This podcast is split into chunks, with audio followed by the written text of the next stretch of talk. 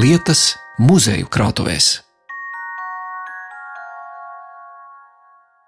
Nu, šeit lejā bija pēc tam klēts ar apcirkņiem. Te vēl var redzēt vietas, kur ir izvietoti apcirkņi. Bija. Tad te bija tādas À, šie, šīs sijas, kas ir. Jā, jā, Ā, jā, un tajās jā, jā. sijās ir tādi Ir divi ver, jā, bija, vertikāli dēlīši, kur vienkārši Jā, tad ielikt tādu. Grīda ir oriģināla viss, un griezti arī šeit. Tikai mums vairs nav skaidru jumts, bet nesen uzlikts uh, cita veida jumts no, no dzelzceļa.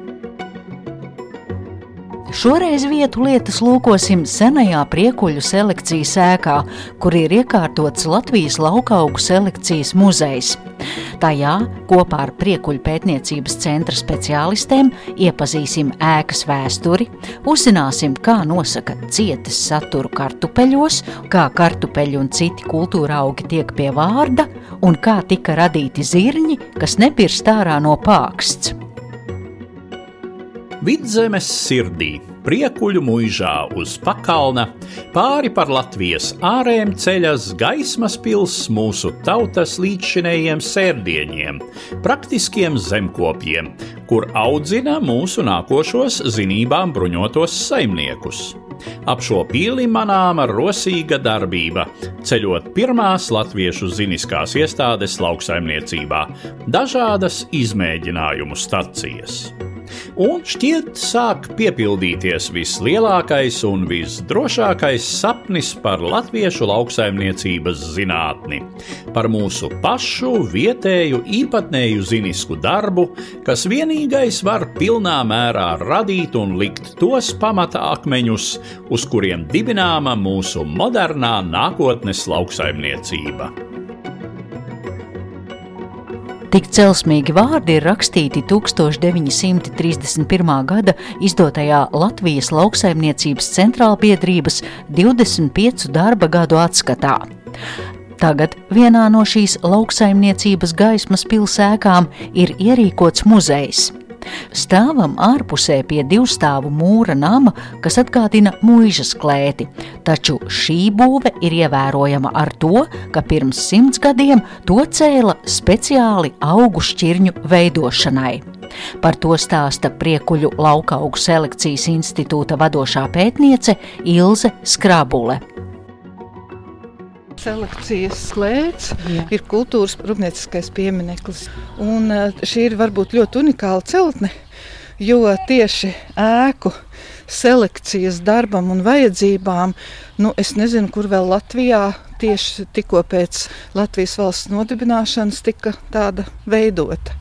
Tā kā tāda tiešām ļoti unikāla ēka, kura, godīgi sakot, mēs vēl strādājam viņā arī šobrīd ar savu selekcijas materiālu. Bet es saprotu, ka es esmu tādā skaistā gadā ieradusies, jo muzejam ir desmit gadi, šai ēkai ir simts gadi. Un eh, pirms 110 gadiem sāka šeit, priekuļu mūžā, veidot izmēģinājumu lauciņus. Vai pareizi tā ir? Ja? Tieši tā, un vispār priekuļi kā tāds lauksaimnieciskās izglītības un pētījuma centrs ir veidojies jau šī gadsimta sākumā. Un tas, protams, saistās ar to, ka šo centru izveidoja nevis valsts, toreiz jau bija cara valsts vai ne cara Krievija, bet uh, tāda sabiedriska organizācija kā Rīgas lauksaimniecības centrāla biedrība. Un kāpēc uh, izvēle krita vairāk uz priekuļiem, jo šī bija kroņa mūža Tas nozīmē, ka viņai nebija tāda īsta īpašnieka, un viņa nonāca centrāla biedrības rīcībā. Nu, tad arī lauksaimniecības centrāla biedrība sāka šeit ar kursiem, ziemas kursiem, kas ir par pamatu vēlāk lauksaimniecības tehnikumam, priekuļu tehnikumam slavenajam. Tas bija 11. gadā, pēc tam mašīnu izmēģinājuma stacija, meteoroloģiskā stacija, kaitēkļu un slimību apkarošanas stacija un 1913. gada 23. aprīlī darbību sāka arī selekcijas un izmēģinājuma stacija priekuļos. Nu, kāpēc tas tā? Jo mūsu zemnieki, Latvijas zemniekiem, bija iespēja gadsimtu mijā pašiem nomāt zemes, iegādāties, izpirkt. Viņi gribēja, nu, tāpēc, ka dzimdošana bija atcelta iepriekšējā gadsimta beigās, Un tā kā bija šī iespēja, viņi gribēja strādāt ar peļņu un sāka domāt, kādus mēslojumus izmantot, kādas šķirnes audzēt, lai varētu lielākas ražas iegūt, lai varētu ienākumi būt. Un tāpēc arī šī biedrība, kuras starp citu arī apvieno ļoti daudzas lauksaimnieku biedrības visā, varētu teikt, Latvijas teritorijā, toreiz jau nebija Latvija. Un tā rezultātā sāka veidoties šis centrs. Un tā tad mūsu selekcijas pētnieciskam uzņēmumam, ja pētnieciskam institūcijai, ir eh, garāka vēsture kā Latvijai. Stacijas darbības pārskatā jāuzrāda uz izvestiem būves darbiem. Pārskata gadā izbūvēts stacijas galvenās ēkas trešais stāvs, kurā ierīkoti divi dzīvokļi un viena atsevišķa istaba. Uzbūvēta stacijas darbinieku vajadzībām sīkiem kustoņiem kūtiņa iesākta būvēt un padaļēji nobeigta selekcijas ēka, kurā ietilps šķūnis kulšanai, neviela telpa selekcijas rīku, mašīnu un citu piedarumu novietošanai, klēts, muzeja telpas, laboratorija un mēģinājumu kūlīšu žāvējamās un uzglabājamās telpas. Tā jau Latvijas lauksaimniecības centrālbiedrības pārskatā par 1922. un 1923. gadu tiek minēts fakts par muzeja telpām toreiz jaunizveidotajā priekuļu selekcijas stacijā.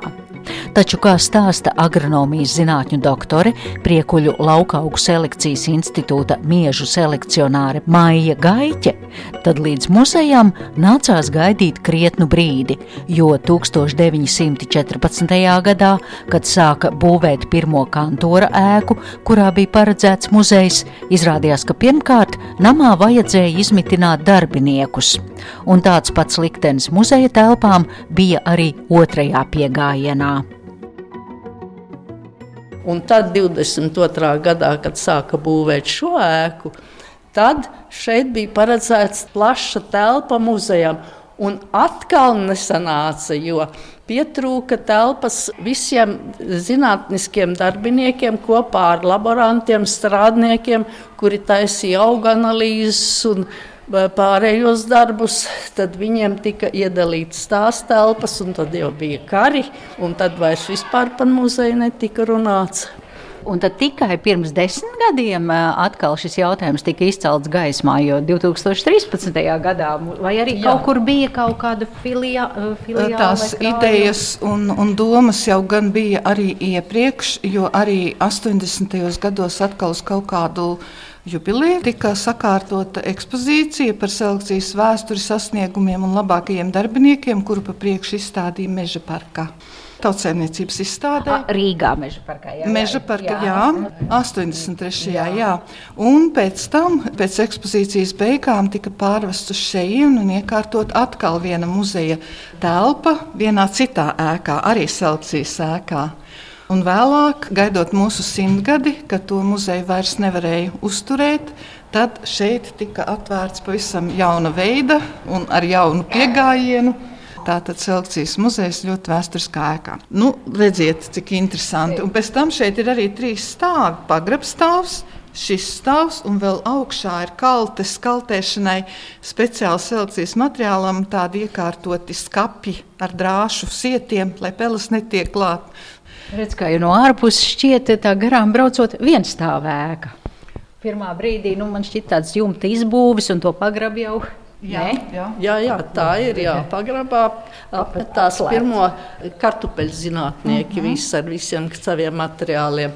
Tad um, tajā pirmajā virsmas stāvā bija graudaugi un pākšaugi. Un arī e, tur liekas, ka jau sāk arī Eh, par no agrotehnikas jautājumiem, kādam mm. zinātniekam bija kur apmesties. Eh, bet pamatā tur notika viss darbs, un tāpēc arī tā muzeja daļa netika atdota kā muzejs, bet visiem pārējiem darbiem, jo nu, paplašinājās viss selekcijas darbs.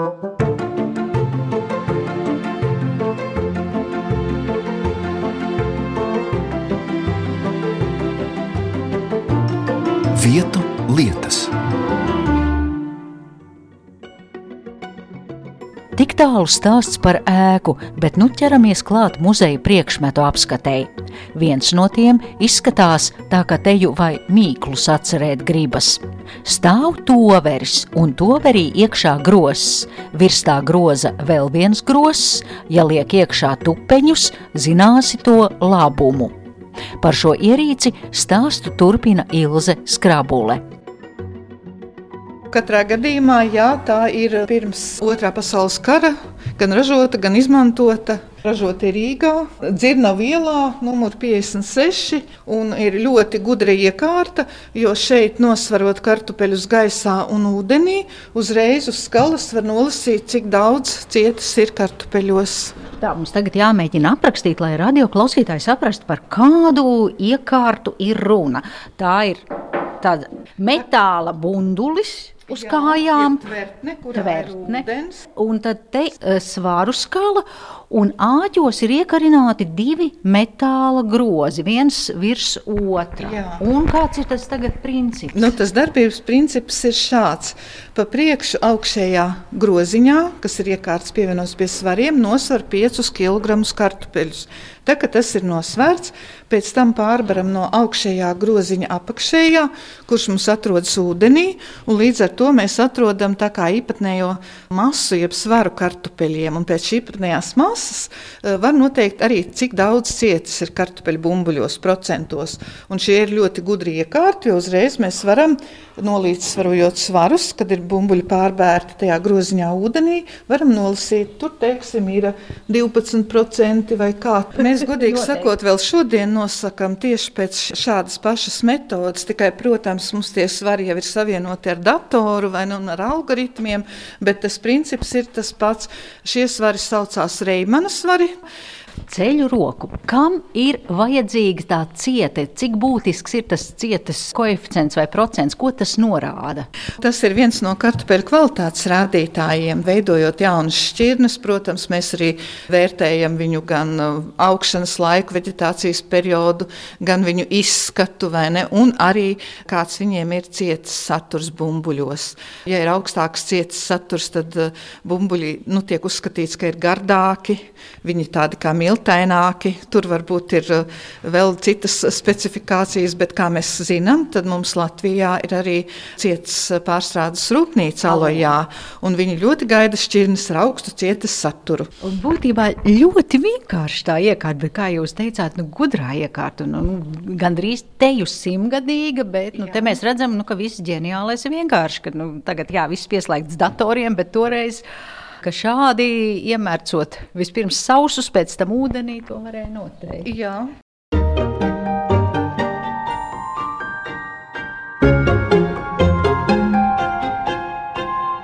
Vietu lietas.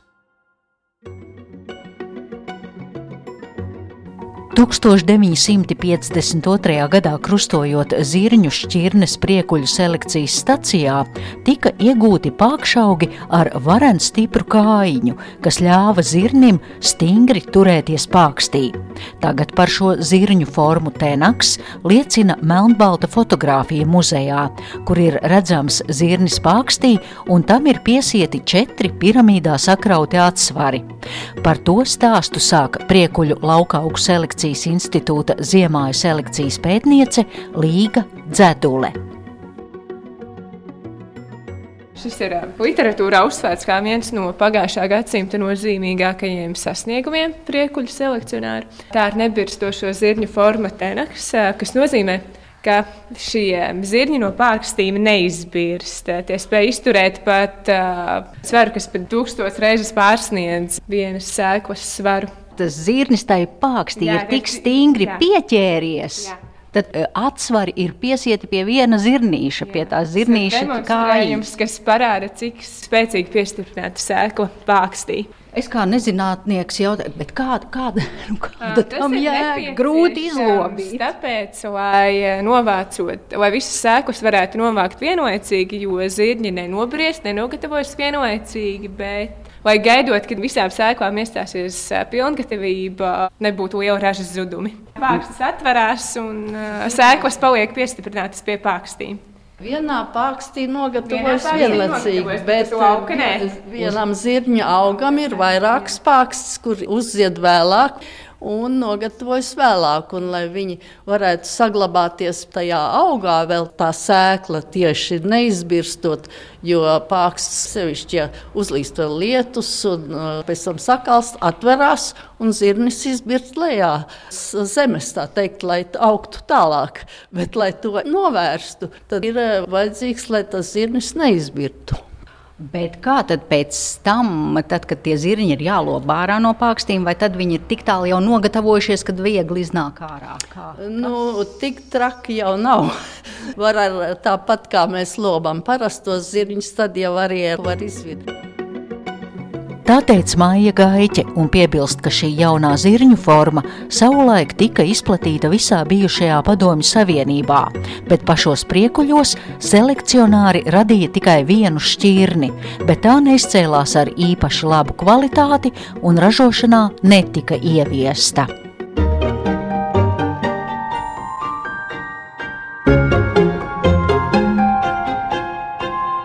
Vietu lietas. Ja reiz es esmu šeit, es tomēr nevaru nepajautāt, kā, kā parasts latvietis par parastu latviešu ēdienu kartupeļiem. Mēs visi zinām, es domāju, jūs esat varbūt noguruši no šiem jautājumiem.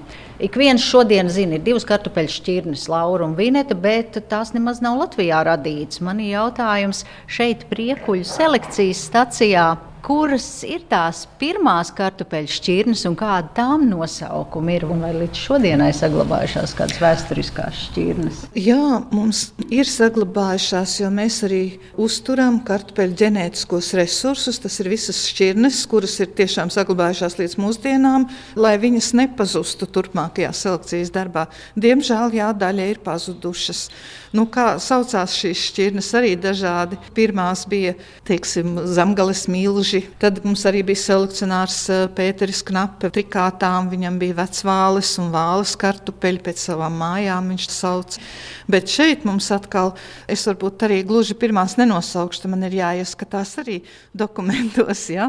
bet viena no tādām ilgdzīvotājām un ļoti populārām šķirnēm ir agrie dzeltenie, kuri Latvijā ir ļoti populāri, tāpēc, ka viņi ir agra un miltaina un ļoti garšīga.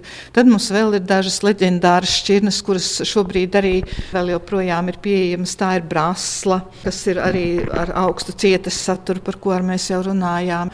Un arī agrās šķirnes, priekuļu visagrie, tāda jau sena šķirne, kura bija pazīstama arī toreizējā Padomju Savienībā un arī Vācijā viņu audzēja, un, un vēl varbūt kaut kur bija pazīstama. Tā arī ir viena no pirmajām mūsu šķirnēm, kuru viens no pirmajiem, pirmais kartupeļu selekcionārs, kurš strādāja uz zinātniskiem pamatiem, Ēriks Knape izveidoja. Viņas pirmais vārds bija Erna, un tad viņa nomainīja uz priekuļu visagriem. nu, tas tāds Erna, vai tā bija Ērikam sieva vai meita vai kāpēc Erna? Labs jautājums, tas, tas ir vēl jāpēta jau. Ņemot vērā, ka es arī veidoju sižetus populāru zinātniskam raidījumam, te manī atkal iedarbojas tas iekšējais kāpēc, bet es ceru, ka radio klausītāji neņems ļaunā. Jo kur tad vēl un kam tad vēl, lai es pajautātu jautājumus ap un par tiem kartupeļiem un nosaukumiem? Nosaukumi ir tiešām nu, dažāda veida bijuši. Nu, vispirms ir bijuši pēc izcelsmes vietas, audzēšanas vietas, nu, tāda kā geogrāfiski, ja teiksim, priekuļu. Mums ļoti daudz šķirnes savu laiku bija priekuļi ar visādiem numuriem. Ja? Nu, priekuļu agrie, priekuļu vēlie, priekuļu dzeltenie. Tas arī, bet arī priekuļu 61, teiksim, māboliņš bija, vai ne, un, un atkal, nu, priekuļu tur 66 un vēl citas zāļu šķirnes, un arī rudzu, un, teiksim, priekuļu rudzi arī tādi, jā. Tā kā pēc tā, arī no tā, kur ievākts materiāls, teiksim, bija mieži vairoga, jā. Vai arī... Vairoga mājām. À, tāpēc sapriņķi vairogu mājām. Jā, nu, un tad arī vēl pēc upju nosaukumiem arī kartupeļu šķirne brasla un mieža šķirne rūja un varbūt nedaudz arī ir vēsturiski nosaukumi. Arī mēs zinām mieža šķirne idumeja. Jā? jā, un tad ir šie personu vārdi, ko jūs arī minējāt. Nevienmēr mums ir tieši konkrētai personai, bet reizēm ir arī ļoti skaisti vienkārši vārdi doti. Kartupeļu madara, piemēram, tas tagad mēs runājam par, par vairāk lauka puķi, ja, skaisto, vai... vai arī meiteni madaru. Mums monta arī ir jākartupeļi, bet interesanti ir arī tas, kad ir ne tikai meiteņu vārdi, nu vismaz Latvijā, bet arī puišu vārdi. Nu labi, kartupeļiem tur varbūt nav tik daudz, ir Māris kartupeļu šķirne, bet interesanti ir ar mieža šķirnēm jo uh, miežus selekcionē gan priekuļos, gan arī stendē. Un tad uh, priekuļos selekcionētām šķirnēm ir nosaukumi sieviešu dzimtē, bet stendē selekcionētiem ir vīriešu dzimtē. Nu, viņi tā uzskata, ka miezis tas ir puisis, un tāpēc viņiem ir Kristaps, Ansis, Austris un tādas šķirnes. Jā. Ir arī kvieši, Fredis un Ufo par jā, jā, godu. Jā dziedātājiem. Arī. Bet tie ir stendē vai stendē? stendē. Dažreiz cenšas arī iemūžināt tādas nu, ievērojamas personas, pat kombinējot, piemēram, mums tritikāla šķirne tika reģistrēta Inārta, kas veidota no Inas par godu Inai Belickai, kas bija viena no ievērojamākajām personām selekcijā vispār Latvijā, nu, Latvijas vēsturē, un par godu Ārtai, kas bija šķirnes selekcionāri un kas bija mācījusies pie Inas Belickas. Tad vienā nosaukumā ir apvienotas, tā kā atdod nodots gods divām ievērojamām ar selekciju saistītām personām Inārta. Un mēs runājam par tritikāli, kas ir kvieša un rudza krustojums jā, savukārt. Jā, arī, jā, jā. Nu, divi vārdi divās sakrustotās sugās izveidot vienu šķirni. Jā. Jā. Un kā man jāsaka, un te pienāca, jūs esat? Es esmu Ilze Dimante. un es pati arī ar kartupeļiem strādāju un uh, uzturu kartupeļu ģenētisko resursu kolekciju. Arī skaisti, teiksim, tādi leģendāri vārdi kā laimdota, tie ir kartupeļu spīdole, arī ir kartupeļi un arī... Jā, rudzi ir kaupo. Dabūjiņš, namējs. Jā, mūsu slavenākie rudzi, Latvijas populācija rudzi slavenākie šobrīd, no kā tiek cepta arī ķelmēnu maize, ir tieši šī šķirne kaupo, kas izveidota priekuļos. Nu, jāsaka, gan mēs tuvākajā laikā plānojam arī uzsākt sadarbību ar kaimiņu valstīm, kur atkal celt augšā šīs vecās kartupeļu šķirnes. Ne, arī vietējās, modernās šķirnes popularizēt vairāk, bet arī pacelt, kā saka, saulītē vecās ar domu, nu, ka tā ir gan mūsu kultūra vēsturiskā bagātība, gan arī tā ir mūsu patiesībā nacionālā drošība. Jo, ja kādam kādās krīzes situācijās kaut ko vajadzēs, viņš paturēs pie sevis. Tāpēc ir labi, ka mums ir tas savējais, un mēs nekad bez kartupeļiem nepaliksim. Un mēs šeit priekuļos arī par to rūpējamies ar saviem ģenētiskiem resursiem, lai mums vienmēr tiktu saglabāts šis materiāls. Ar to arī skan stāsti par mūsu lauksaimniecības vēsturi priekuļos Latvijas laukaugu selekcijas muzejā.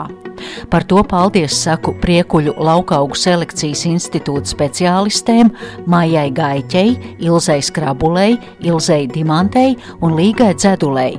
Fragmentus no Latvijas lauksaimniecības centrāla biedrības izdevumiem lasīja Eduards Liniņš. Raidījumu veidoja Zane Lāce Baltāksne. Un ar jauniem muzeju stāstiem tiekamies jau pēc nedēļas.